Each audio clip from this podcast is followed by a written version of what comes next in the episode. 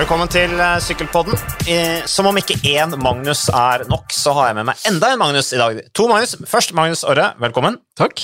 Og så er det Magnus Drivenes. Velkommen. Tusen takk. Hyggelig å se deg. Det er en stund siden sist. Vi kommenterte uh, UnoX Development Weekend. Ja, også VM i terrengsykkel. Det var sist.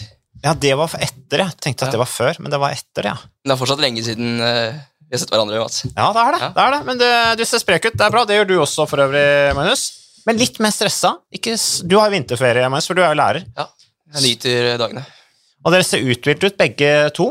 eh, på tross av at den ene er litt mer stressa enn den andre. Men det er jo fordi at dere har ligget hjemme i sofaen og sett på sykkelløp i helgen. Og hva kan dere melde, Magnus Drivenes? Hva har du sett? Uh, jeg har sett eh, Nå må jeg holde tunga rett i munnen her, da. Tour de Alps eh, de du Var, er det riktig? Ja, stemmer det. Ja. Ja. Sånn cirka. Litt sånn Provence-regionen, og så Var-dalen. Ja. Ja. Og eh, UAE-tour, da. Ja. Og man har ikke så høye forventninger til UAE-tour når det er litt sånn ørken og hele pakka, men det leverte i går, på søndag. Første etappe. Da var det sidevind, og det var kjør og kamp allerede fra start. Jeg er helt enig, det er liksom ikke det rittet, rittet du har lyst til å se, men det ble liksom det nye Tour de Qatar, det. Det vi så i går, med sidevind, og Alexander Kristoff skulle vært der. Ja, han skulle vært der, men uh, det er vel noe løp i helgen som venter for han, så da eh, får vi se han der. Han hadde jo spurta bedre enn Gaviria på gårsdagens etappe. Ja, det var ikke noe særlig spurt der. Nei, altså Pogasjar slo uh, lagkameraten sin Gaviria i spurten. Det var vel litt, eh, det var vel ikke sånn som forventa. Disse sjeikene var vel ikke så fornøyd med det. Nei, men jeg ikke, Gaviria Jeg vet ikke om han um, Han bleik i Almeria. Mm. Støta i går. I går, altså søndag. For jeg ikke så det, så støta han et par kilometer før mål. Um, i stedet gjorde han det? Nei, jeg, Han var stressa. ja, jeg tror han var litt sånn smånervøs. Og så uh, var det et håp. Du så at flere og flere gikk. Det var Mattia Cataneo og flere andre som støta mot slutten. Så slengte han seg med. Og det har han gjort med hell før, da. Gått på sånn langspurter, litt sånn Paris Tour for mange år siden, for jeg som husker det. Det var litt Mm. mer en langspurt, det var mer et støt, da. Men Ja. um, du burde, skulle tro han kunne spurte mot de gutta som satt igjen der. Det var ikke mange spurtere der. Akkermann var borte, Bennett var borte, Juen var borte, uh, Dekker var der, men det var ikke veldig mange rene spurtere igjen. Nei, van de Pool, da. En rein spurter. Ja I et sånt Ja. selskap så er det ikke sikkert Gavira hadde tatt han, men eh, Ja. jeg syns det var litt kult av Gavira, da. Eh, Jeg trodde jo han kunne gå, få det til, men han stivna jo. Så at han mangla Jo, men tenk, så få spurter, da bør du vente på spurter, altså.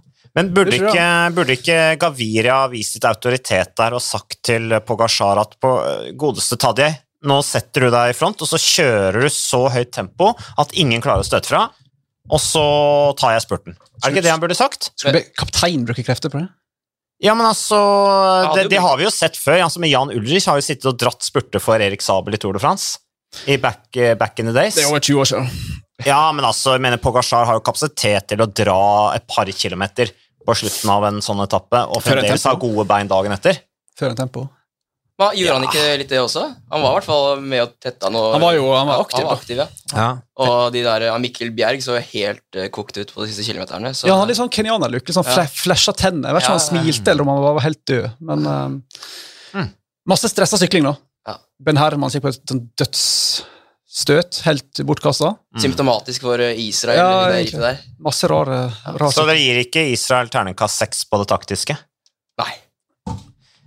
Men uh, hva med Tour de Alp Maritim Eduard? Uh, er det Der var jo Israel Cycling Academy eller ja, Startup Nation er det jo, forresten. Ja, det sur- Surra jo til der òg, da. Ja, de var jo Ja, de ble nummer to med Michael Woods. da Vant en etappe og greier. Gode, gamle Michael Woods var tidligere en av verdens beste juniorløpere på mellomdistanse. Den historien kjenner vi. Den historien kjenner vi. Han, jeg er veldig glad i den historien. Ja, jeg snakket med fatter'n om det i helga, faktisk. Ja, Ja, Han lå han i sofaen og mimra om det. Forståpelser hver gang. Ja, han gjør det. Han gjør det. Han får ståpels sånn. Nei, men han mista jo ledelsen, da. Altså, Ja. Du har ledertrøya før siste stappen, og så har du ingen med når det går, og så, sitt, så får du to, teknisk trøbbel på paragutta, og så må Woods fikse det sjøl, som så ofte før i Israel. Du må stort sett fikse ting sjøl om ting skal bli gjort. Så det var ikke et imponerende skue. Så hadde ikke kobbel med Israel Startup Nation hjelperyttere der til å kjøre tog à la Team. Ineos? De prøvde i hvert fall, men Ja, de var ikke, det var ikke bra nok. Nei. Hadde trengt en Kalle der. ja, Mangla ja, en Kalle. ja. Mm. Men det var, det var jo bra Altså, Eftersjø og sånt gjorde jo det de måtte gjøre. De angrep fra start. og fikk mange ryttere av gårde. Så det, de ble jo satt under press, og det var jo ventet med den løypeprofilen som var der. da. Så det var uh, brutalt for Israel, men uh, Woods virka veldig sterk da han, da han først gjorde, tok opp jakten alene der. Ser bra ut, disse Arges R-gutta og franske Gruppama eller Gruppama FD-sjørytterne. Offensive, da, men de når de ikke helt opp, men de er jo offensive i hvert fall. Det er mange oppe i toppen. Bunnsolid lag. Ja. Faktisk. Mange unge, gode klatrere. Madouas er bra. Rudi Molar er jo Han er Rudi Molar. Ja, han Liksom. er Rudi Molar. Ja. Du vet aldri helt hva du får. Men Har vel eh, tre, tre år til i kontrakten sin, tror jeg. Ja, Ut 2024 med Frans Edersjø. ja, Pinot ser ok ut. da. Ja. Så det ser bra ut for uh, ellers eh, sure Mark Madiot. Så har nok glede seg over. ja, apropos Madio, Uh, han hadde jo et utspill forrige uke, så diskuterte vi, eller for to uker siden diskuterte vi Jérôme Pinot, som uh, hadde sitt lange intervju eller kipp, hvor han snakket om hvor umotivert han var. Eh, Thibaut Pinot. Hva var det jeg sa for noe? Jérôme Pinot. Ja, jeg mente jo, Jérôme, det er jo broren, er det ikke? Nei, han er vel en eldre utgave. Julien er broren. Julian er broren, som er trener, men Thibaut Pinot, helt riktig. Jeg hadde jo dette lange intervjuet i Lekip, hvor han snakket om at uh, nå, det var ikke noe gøy å sykle mer. Ikke i det hele tatt. Det var bare forferdelig kjedelig. Før var det moro. Hørtes ut som han sykla på 80-tallet, men uh, nå er det ikke noe moro mer. Men derimot en som sykla på 80-tallet, som jo vant uh, Paris-Roubais to ganger, og som nå er manager i Frans Edersjø Gruppama, det er jo Marc Madiot, som jo er en eh, veldig farverik person. Eh, vi elsker Marc Madiot. Eh, det gjør kanskje ikke vi, men Nei, men jeg elsker kanskje Mark Mario. Ikke dra meg med i samme søla. Nei, du skal jo intervjue han, så det er sikkert ganske krevende. Han snakker jo bare fransk også. krevende. Men du snakker jo fransk. Jo, men det er umulig å skjønne hva han sier. Han rabler jo bare, og så føler du ofte at han, nå sier han masse bra, for han er sur hele tida. Men så skjønner du ikke hva han sier, og så går han ofte før intervjuet er ferdig. og Det er Ja. vanskelig å forholde seg til. Men er han sur, eller er han frustrert? På fransk, à la fransk vis, liksom. For er du frustrert, så har du lyst til å snakke, men er du sur, så har du ikke noe å si, liksom. Det er forskjellen, da. Ja, da, da er han absolutt i frustrert eh, seksjonen din, da. Mm. Uh, men han preiker jo uh, ja, altså, mitt, mitt synspunkt er at han preiker ofte ganske masse piss. Ja, han skaper jo overskrifter. Ergo prater han ganske masse piss. Ja, men er, du, vi er, Stort sett overskrifter, og så, ja, det, Ja. så det passer fint for oss. Men eh, fyren må jo snart you know, ta, ta seg sammen litt, og tenke seg om før han åpner munnen, tenker jeg da. Men da er vel ikke den siste utspillet hans liksom i den retningen der? For da på en måte slår jo nostalgien inn i han. Han snakker om at dagens ryttere er roboter, i negativ forstand.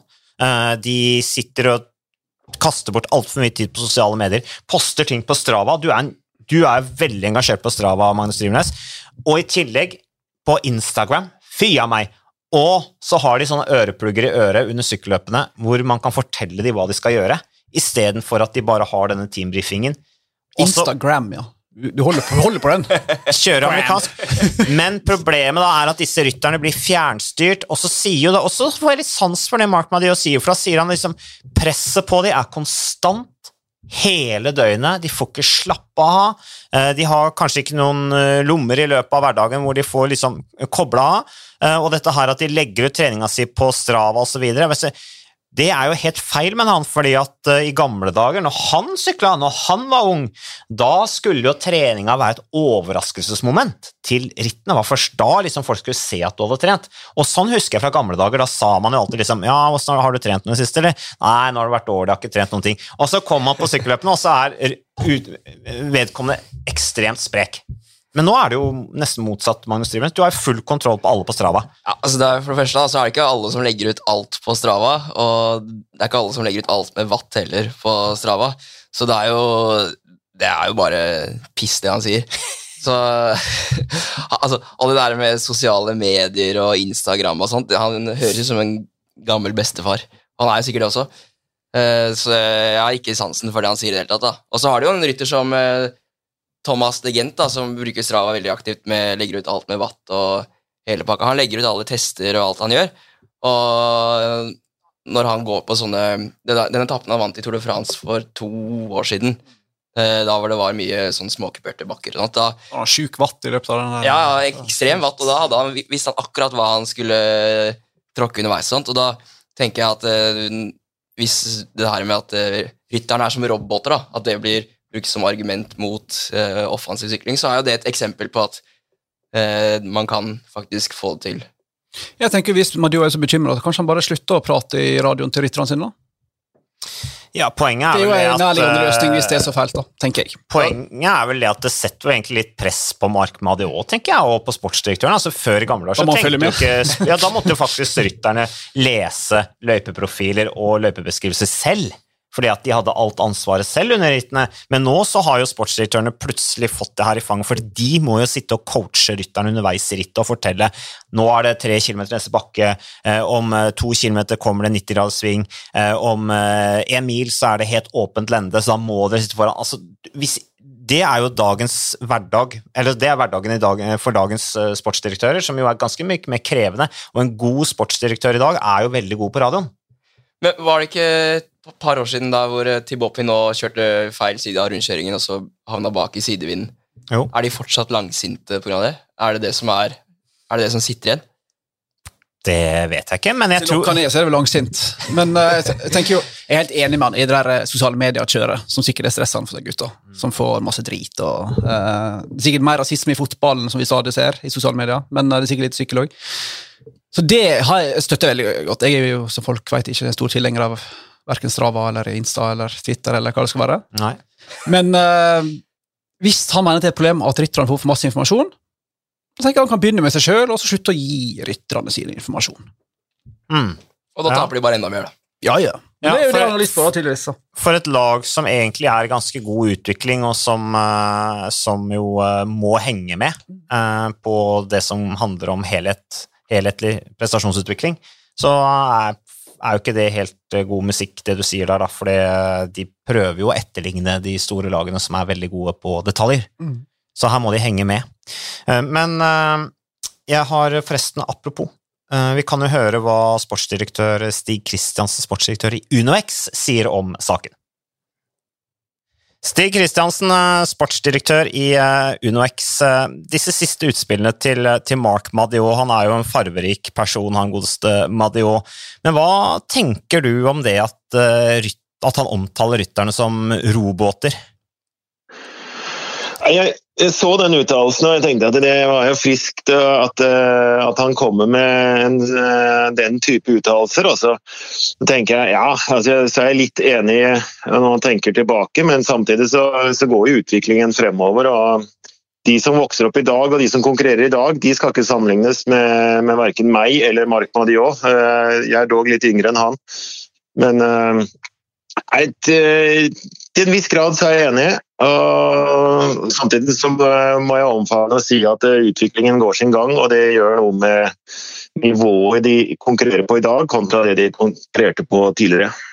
Men det han sier her, eh, Intercom er jo noe som kom allerede på 90-tallet, så det er jo ikke akkurat noe revolusjonerende. Det er, det, er, det er først og fremst det han snakker om da, i det intervjuet. Det som han fremhever først, er dette med intercomer. At liksom, ja, vi har teambrifing, hvorfor i all verden skal vi sitte og plage rytterne med all, all slags informasjon hele tiden? Det fører til massivt press på rytterne og feltet. Er, er, du enig i det, eller? Jeg vet ikke om det fører til noe massivt press. Det som jeg synes er kanskje at vi fratar utøverne mye ansvar ved å gi dem hele tiden denne informasjonen eh, fra høyre og venstre.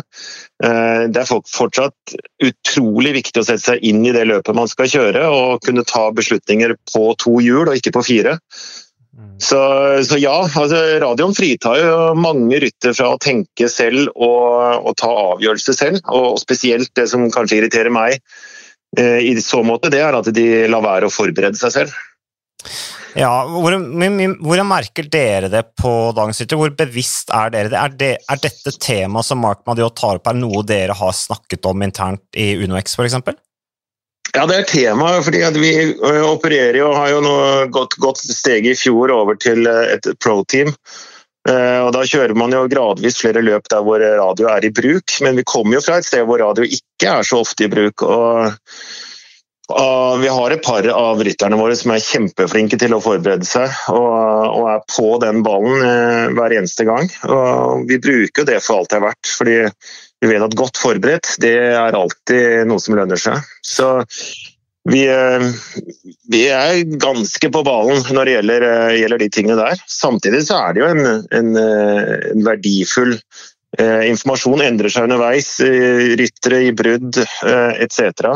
Så det er mye på en radio du ikke kan forberede deg på også. Det skaper et helt annet samspill mellom rytter og lagledelse òg, det med radio. For det, det, skjerper jo på en måte kravene til lagledelsen, at de også må forberede seg bedre, fordi at de faktisk kan være med å spille en rolle underveis. Hva tenker du om det? Ja, det, det er en uh, annen sak uh, som, uh, som, også er positiv. uten at man skal si noe om, om, hvordan man selv jobber, så føler jeg i hvert fall at man at vi har vært flinke til å forberede oss uh, til, til ethvert løp. Men uh, det er helt klart at du kan ikke komme uforberedt til en belgisk klassiker hvor det er høyre og venstre hver hundrede meter, uh, og ha en radio og si feil.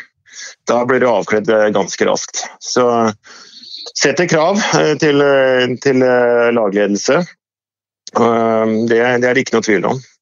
Men hva om dette her med Så sier han videre dette her med liksom, dagens wattmålere, dagens teknologi i forhold til å følge opp treningen til utøverne. Uh, at de sitter og glor ned på den wattmåleren hele tiden. Det virker som, også sier Madio liksom, ja, men når jeg i gamle dager Jeg ville jo ikke poste hva jeg trente på, sånn at folk kunne se hva jeg gjorde. For han snakker om at rytterne da bare sitter hjemme og poster ting på Strava og sosiale medier. Jeg ville jo at det skulle være et overraskelsesmoment da jeg kom til rittene. Uh, Mener, hva, hva tenk, er dagens unge utøvere for mye på sosiale medier og for opptatt av å flashe hva de gjør?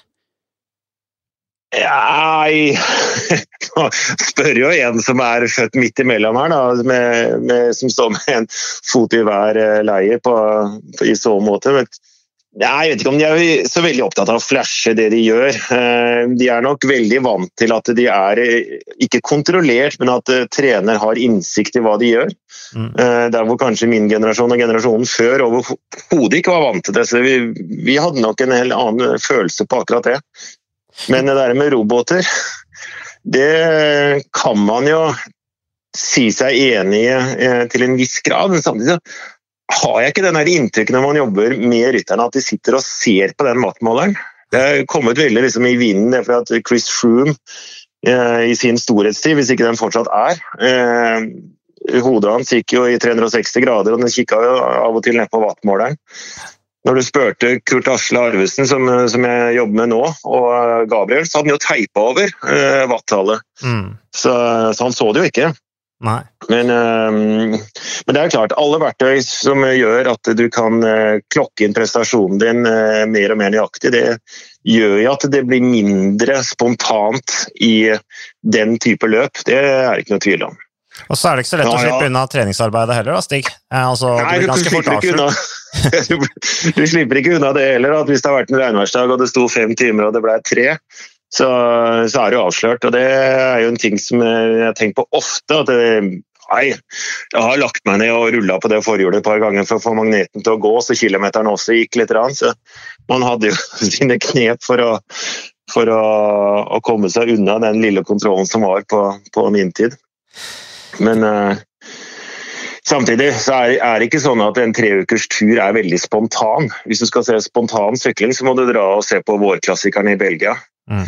Eh, og sånn har det vel egentlig alltid vært. Det blir uh, uansett uh, artig å høre hva du sier om det, Stig. Så uh, får dere bare fortsette å kontrollere rytterne så godt dere kan. og det skal vi. ikke minst samspill, ha et bra samspill med dem, som jo dagens teknologi legger til rette for. Takk skal du ha for praten. Bare hyggelig. Hei, hei.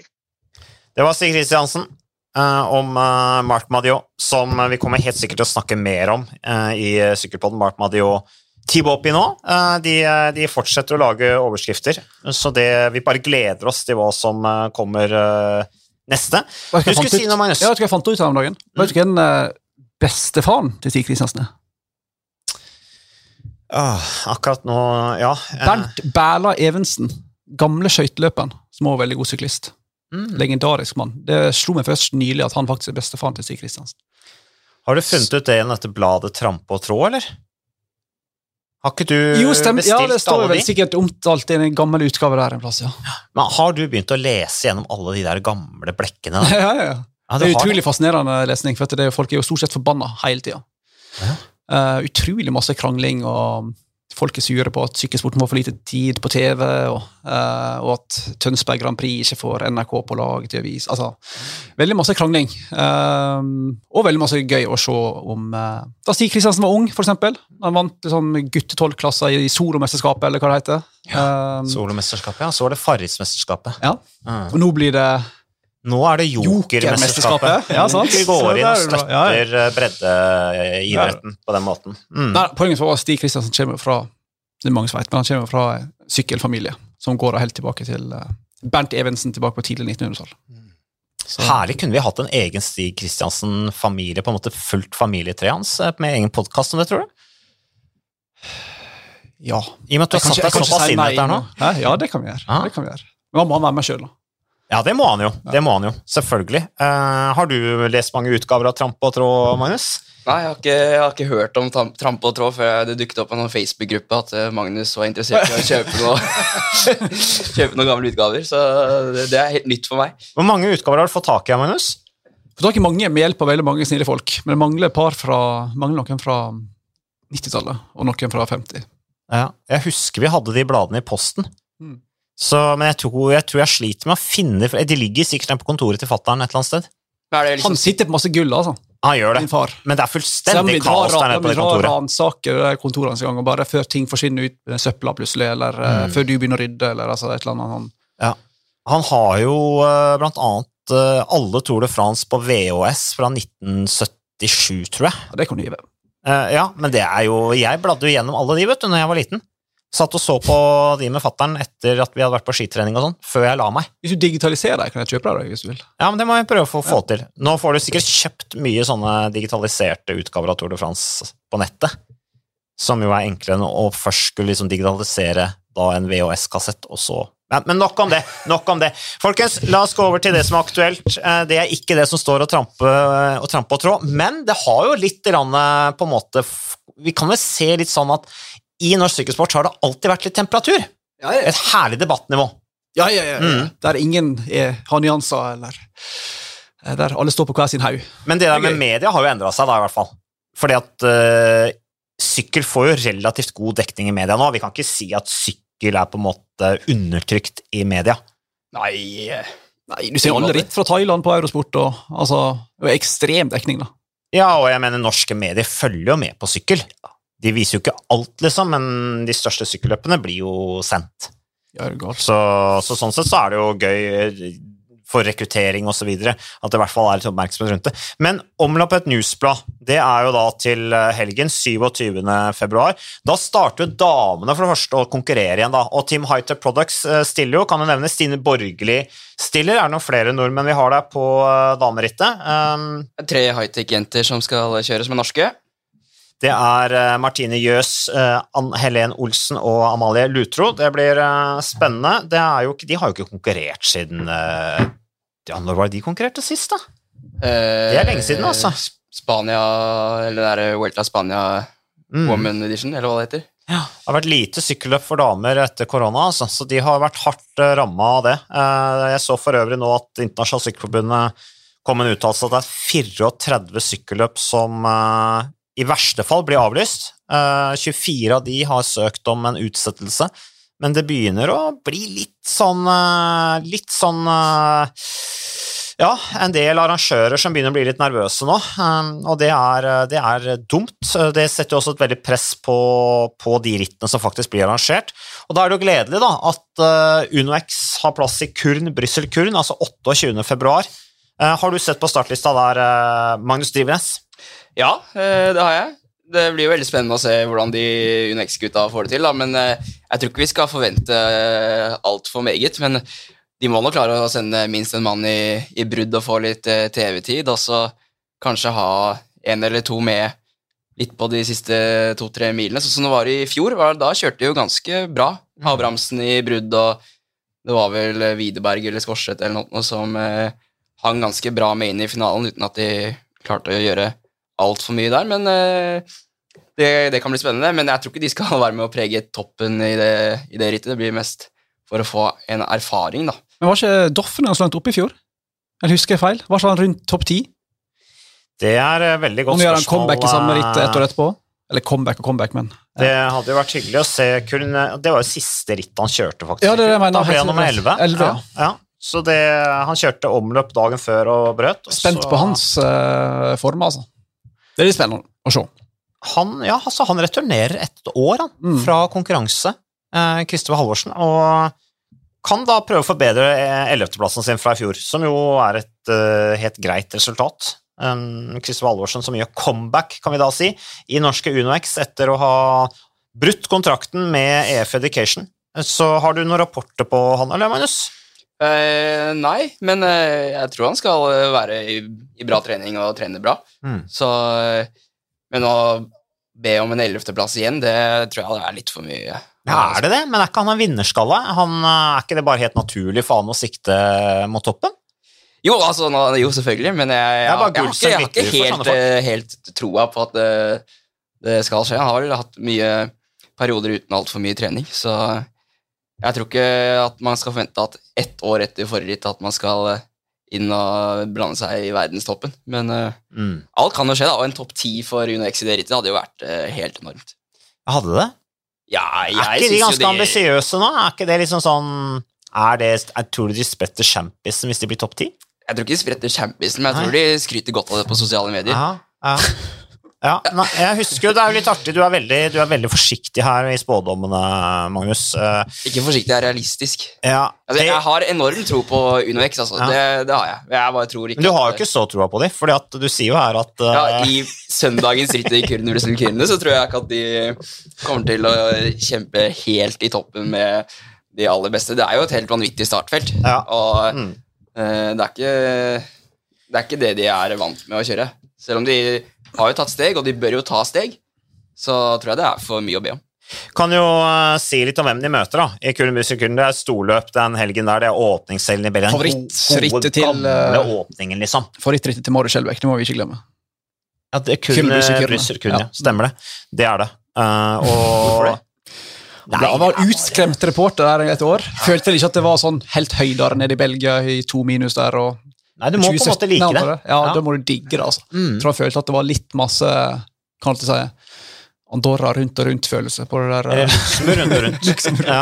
Eh, Det er helt riktig. Nei, så Marius Skjelbæk har faktisk vært der nede og, og rapportert fra Kurn, Brussel Kurn, um, ute på belgiske landsbygda, forhåpentligvis i gummistøvler, uh, mens det lukter fritt og øl rundt seg. Det er eh, et ritt som er litt sånn Enten så ender det i massespurt, eller så blir været så dårlig at det er knapt noen som kommer til mål.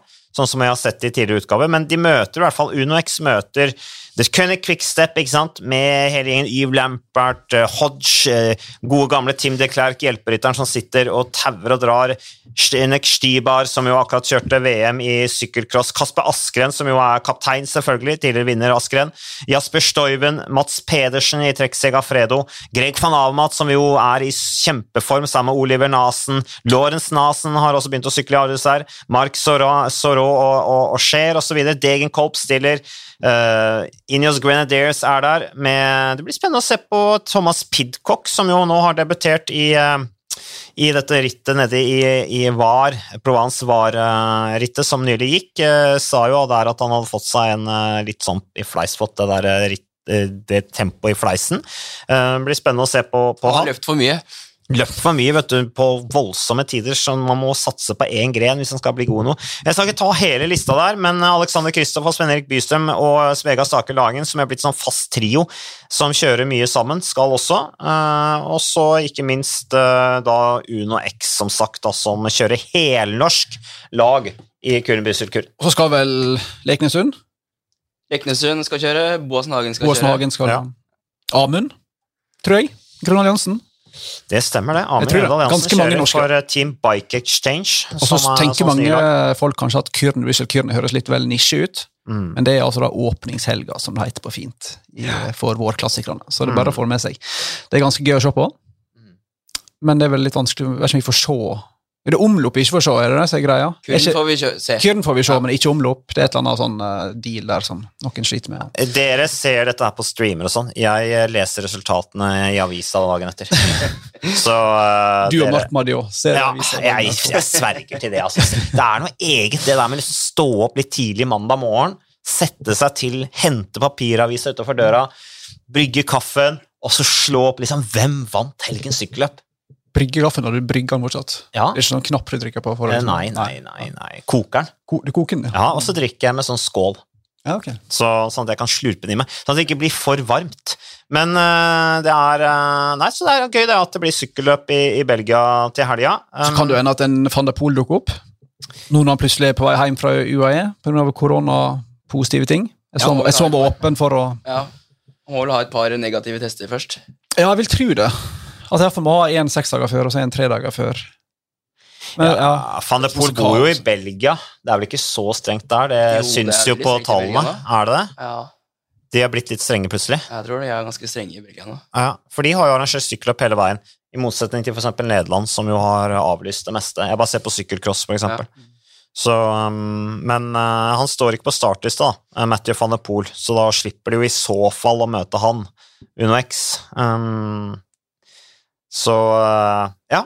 Nei, men det blir spennende å se. Uh, du har sånn passe trua, Magnus uh, Drivernes. Nei, jeg, må, jeg er ikke noe Du snakker ned Uno X på, på forhånd. Nei det, nei, det gjør jeg ikke. Sånn som vi gjorde før Colombia rundt i fjor. Da snakket vi jo veldig ned. liksom, Ja, ja, det er jo fint for UnoX å få seg en tur til Colombia, og, og hyggelig. Det er jo mye opplevelser å oppleve eh, kultur på sitt beste.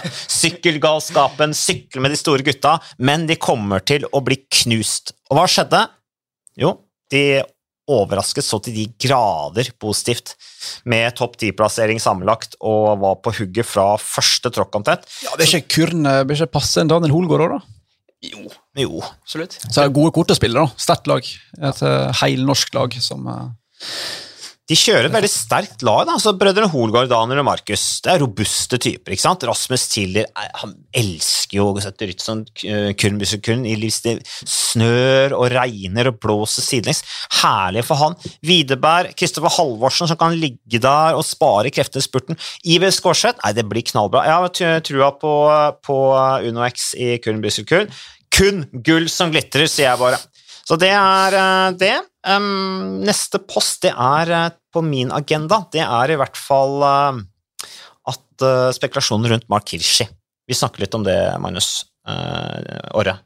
Uh, om hvor, at Mark Hirschi, denne plutselige overgangen fra det som nå da er DSM, hvor han da skulle ha syklet sammen med Andreas Lektensund, det ble ikke noe av. Han var med på lagpresentasjonen og greier, og så plutselig så ble han meldt en overgang til UAE på treårskontrakt, og skal visst ha økt uh, lønna si med 14-gangeren, var det siste jeg leste.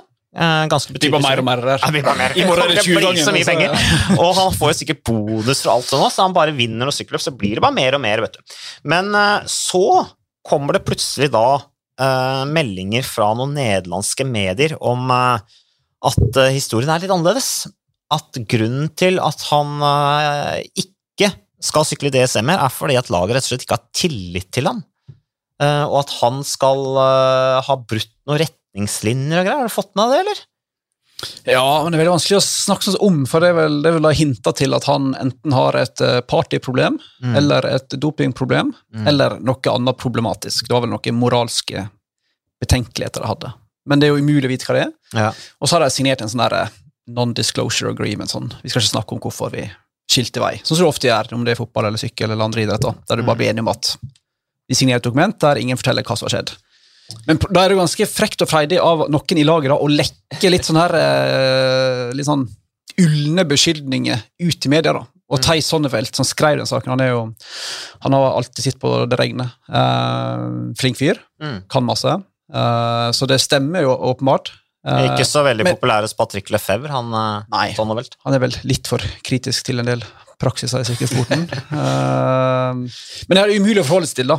Uh, rykte rykter. Eh, og det er jo direkte eh, ufint av de folka som lekker det ut. Mm. Altså Enten må man si hva det handler om, eller så må du holde kjeft. For Ja, det, for det det er er noe-. Det blir bare rykter hytt og vær. Ja, det er ikke noen bra fondemass, for det er som du sier, det blir rykter, ikke sant? Ja, det veldig, fort, ble veldig god veldig fort, da. Ja, ja. Så folk stussa jo litt, sant. Uh, så um, lei sak, det greiene der, altså. Mm. Hadde jeg vært Hirscher, så hadde jeg vært ganske forbanna nå.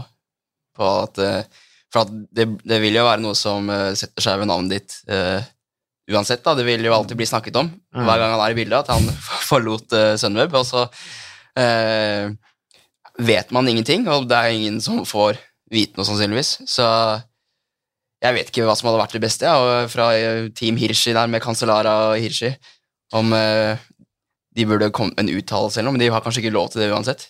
Nei, Nei. iallfall ikke mindre gjør det anonymt, som Sunweb har gjort her. da, Ja. og Bare slippe sånn til journalister. og så... eh, Men kan det være, ja, for du antar eh, Magnus, at det er noen i Sunweb som har lekka dette her? Som har snakka med Det må det jo. Ja, at det er noen internt i laget. Det er tydeligvis at de har noe imot Tirsi da, når de går ut og sier det de sier.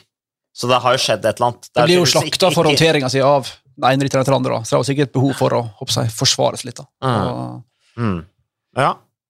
Ja, det er noe bedre å ha et partyproblem enn å ha et dopingproblem, tenker jeg, da. Så Kan ja, heng deg sammen av og til. Spør Tom Ja, Bomm ja. og Jan så har du, så har du kommer jo an på hva du fester med, da. ja, det er klart. Så, men, eh, men eh, ja, nei, men vi har ikke noe mer å si om det. Det er som du sier, Magnus, at uh, det blir litt sånn vanskelig å forholde seg til noe hvor begge har Én part har lekka litt, og så har de en avtale om at de ikke skal si noe mer om den saken. Ja, som det er altfor mange av i idrettsverden generelt. da. Mm. Altfor mange som blir enige om å bare legge lokk på det, og så kanskje vi sier noe. Men hvis han har et uh, hvis, han har, uh, hvis det er så at Nå blir dette bare spekulasjoner, selvfølgelig, men hvis det er sånn at han har et uh, At DSM ikke har tillit til han når det gjelder doping, så vil jeg tro at han kommer høyt opp på denne lista til Internasjonalt Sykkelforbundet når det gjelder utenfor konkurransetesting. Hvis de tester nå. For det er jo, jeg så blant annet Thibaut Pinot sier jo at det har vært utrolig lite testing under koronatida. Som jo er selvfølgelig en eh, utfordring eh, hvis man eh, i kampen mot doping, da. Vet, det kan jo også være at det er noen gråsonemidler eller et eller annet. da. At ikke Kan være noe ketoner og noe Ja, kortison. altså, Du vet jo aldri. Nei. Det kan være helt sant, det. Det Altså. kan jo være så enkelt altså Det kan jo være alt fra høydetrening òg. At, eh, så at han ikke har reist på høydetreninger når de vil at han skal gjøre, og gudene vet hva det er. Men uh, apropos en som aldri gir seg. Uh, 50 år gammel David Rebellino. Uh, han, eh, han er i gang med sin 29. proffsesong, han. Han skal kjøre Trofeo La Gueglia. Det er jo stort. Det må vi følge med på. Jeg husker jo Rebellin fra da jeg begynte å følge med på sykkelsporten eh, gjennom Pro Cycling Manager i 2006. Hva var navnet hans Pro Cycling? da? Nei, Jeg tror de hadde ekte navn på ja. Georsteiner her. Eller, er Hadde kanskje det? Ja. Husker det var Neil, nei, Lance Neilstrong. Nei, Ja, og Thor Harshovd. Thor Harshovd, ja, stemmer det. Husker at det. Men eh, da, på den tiden, da jeg var elleve år der, så var jo Rebellin så gammel at han ble dårligere i løpet av én sesong. At han, så han la opp etter et par år, og da var han helt, helt ferdig. da. Så det er, det er jo helt uh... Pro Cycling Manager det var et av tidenes beste spill så langt. Ja, Her var det det. Ja, var Jeg spiller klasse, fortsatt, jeg. Det var det? vinterferien. Ja. Men kanskje smorde, sånn Pro Cycling Manager 09, eller fins det Nei, jeg spiller nye eh, fortsatt 20... Å, det fins liksom nye Og Jonas Iversby Widerberg han spiller også mye. Og han var med i NM nå i, i Pro Cycling Manager for noen uker siden. NM? Ja. Og det er et Han slo meg i NM. finalen. Altså LAN? Ja, vi, Ja, ok. Mm. Hvem vant det? Kult. Eh, nei, jeg husker ikke jeg hvem det var. Det, var, det er noen litt rare nikk ute og går der. Sånn kallenavn. Men eh, Jonas og jeg tok de to siste plassene i finalen der. Problem, problemet med pro cycling var jo, sånn før i hvert fall, at du kunne Det var ingen forventning til resultat. Og det er for så vidt likt sykkelsporten. Det er jo ingen som bryr seg hva som egentlig skjer resultatmessig. Så du kunne da bruke første sesongen som teammanager på å sende alle rytterne på høydetrening i et år. Veldig sånn mistenkelig. Og da steig alle blodverdiene opp, og så vant du alle ritt neste år. Ja. Så jeg vant, jo, jeg vant jo Flandern og Robé, VM, Tour de France, Vuelta, Giro og VM samme år med Iba Mayo. ja, men Iban Mayo kunne Vant Roubaix, du jo vinne altså. mye med. Hæ? Ja, du kunne, du kunne. Så det, det Apropos en som vinner, har vunnet mye, Alejandro Valverde.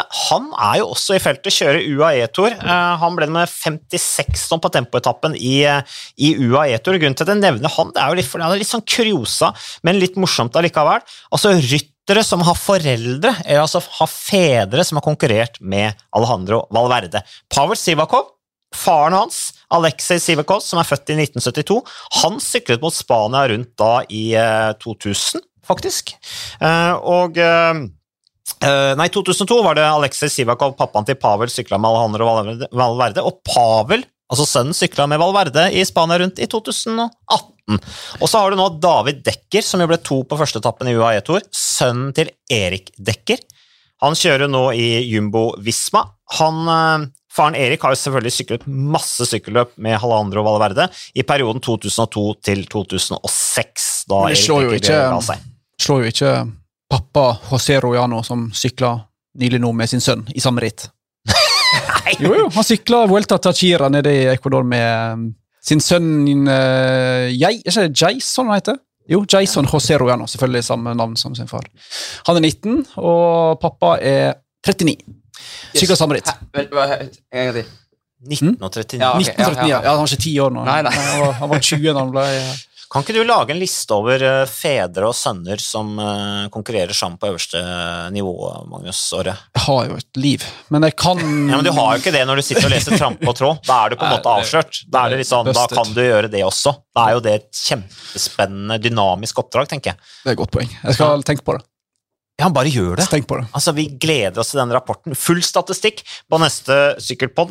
Har du noe sære sånne statistikk og, som du driver og fordyper deg i om dagen, eller Magnus Nei, Drives? men jeg, jeg så jo en, en sånn tweet her hvor det var eh, en som hadde lagt ut noe statistikk på, på Varde, og de hadde konkurrert med både fedre og sønner mot. Mm. Hadde han kjørt eh, også mot eh, Rik Sabel og Erik Sabel, naturligvis. Ja. Og eh, Dekker og Dekker. Og så hadde han også kjørt med Dobbeltdekker. Noen måtte si, noen måtte si det. Selvfølgelig. Rick Sabel er jo også en høyaktuell der med Ja. pappa Sabel. Ja. ja, Mm. Og en, en annen som kjører i uh, UAE-tårnet, nå, er uh, Ricardo Minali. Stemmer. Og han uh, Nicola. Nicola. Han vant uh, til Champs-Élysées i Han er god spurter, 97. Mm. Ja. Vant Italia rundt etapper. Og Ja. Veldig rask, han Nicola Minali. Var på 90-tallet mot Cipollini og disse her. Ja. Han gikk, gikk i sånn dopinggarn her for en- noen år siden, da de testet noen 18 år gamle prøver og litt sånt. ja. Kanskje ikke så altfor Både overraskende. Men, pappa Dekker og pappa van der Poel og pappa De fleste pappaene har et eller annet trøbbel, da. Ja, pappa van der Poel hadde noe greier, han òg, ja. Det Eh. tror jeg var noe sånn eh, Ja, det var noe skikkelig greier. Så, men han skyldte jo på best... Skikkelig, han, han skyldte på svigerfaren sin, han. At han hadde spist due, duekjøtt med noe som var infisert av noen greier. Eh, Han støttes positivt på struktin, tror jeg. Stryknin, sånn Ja, råttgift. stryknin, ja. Altså sånn ja, Ja, veldig sentralstimulerende middel, da. Så ja, det, det er jo en egen episode å snakke om uh, ulike unnskyldninger for å bli tatt i doping, selvfølgelig. Det er masse fine forklaringer på det. Så, men det har vi i hvert fall da vi tatt det. Uh, jeg så at vi fikk et spørsmål på, på Twitter i går, uh, Magnus Aare, av den ene lytteren vi har på Sykkelpodden. Tor Øyvind Pappa? Teigen. Han er veldig fast lytter, så jeg er veldig glad i han. Da syns jeg vi skal ta spørsmålet hvorfor har Matthew van de Poel en annen drakt enn resten av laget sitt? Snakker han om den nederlandske mesterskapstrøya da, eller? Jeg kan ikke se noen annen årsak enn det. Han er jo nederlandsk mester. Og hva i alle dager er det Fernando Gaviria holder på med? Det har vi jo snakket om. Det snakket vi om tidlig på denne podkasten. Fullstendig blottet for troen på seg selv i en spurt mot van de Pool, Mørkhaug og Viviani. Ja, tror vi det handler om selvtillit, eller var han bare kjørt? Eh, jeg, tror, jeg tror han var stressa. Jeg, jeg tror det var et panisk eh, angrep. mm. Eh, For det, det, jeg tenkte litt på det, at hvem er det som skal klare å hente Cataneo nå? De så ganske kjørt ut, og hver gang det var en ny som var framme og uh, taua, så satt det to quickstep-ryttere på hjul og liksom blokkerte. da. Mm. Så eh, jeg tror det var eh, det Gavira tenkte, og så ble det jo litt for langt, da. Men eh, jeg syns det var et fett angrep av Gavira, så jeg, jeg hyller egentlig Gavira for det. Han er jo nederlandsmester, altså det må være derfor han sykler i altså van der Poel. da. Ja, Han sykler jo med hvite Ja, og hvit og rød og, og blå overdel, så Ja, jeg tror vi kan konkludere med det. Det er jo ikke noe annen drakt enn det. liksom. Han er nederlandsmester, derfor så stiller han med en annen drakt enn en resten av, av gjengen. Det er, Det er sånn er det, det må vi bare akseptere. Det er ikke noe mer å si om den saken. Ellers er det jo det, ja, det er jo en stund til Paris-Nice ennå, men det sender vi jo selvfølgelig på TV 2. Og jeg har sittet og sett det på løypa.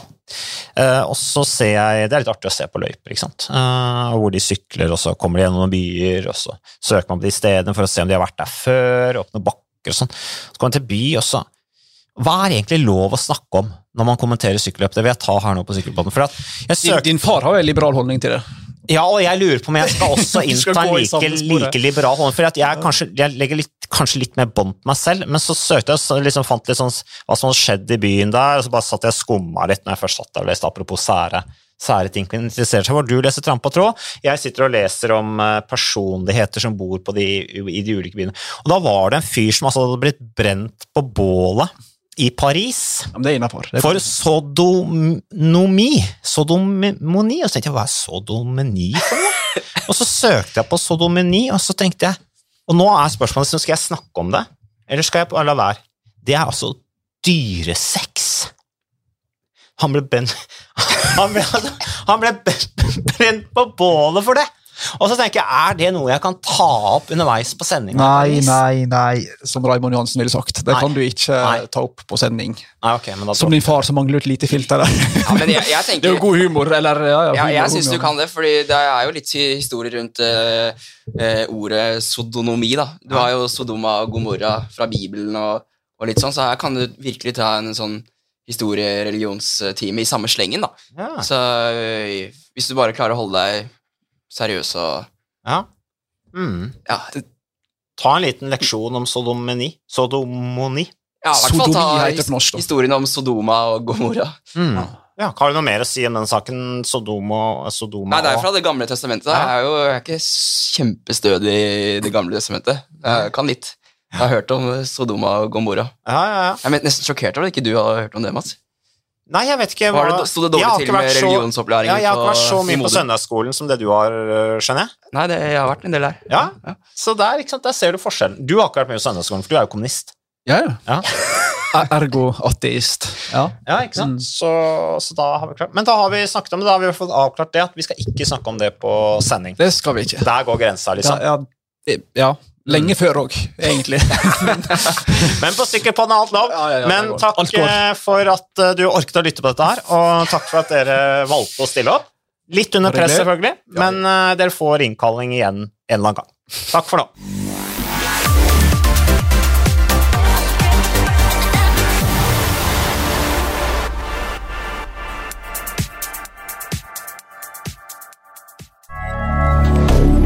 Moderne media.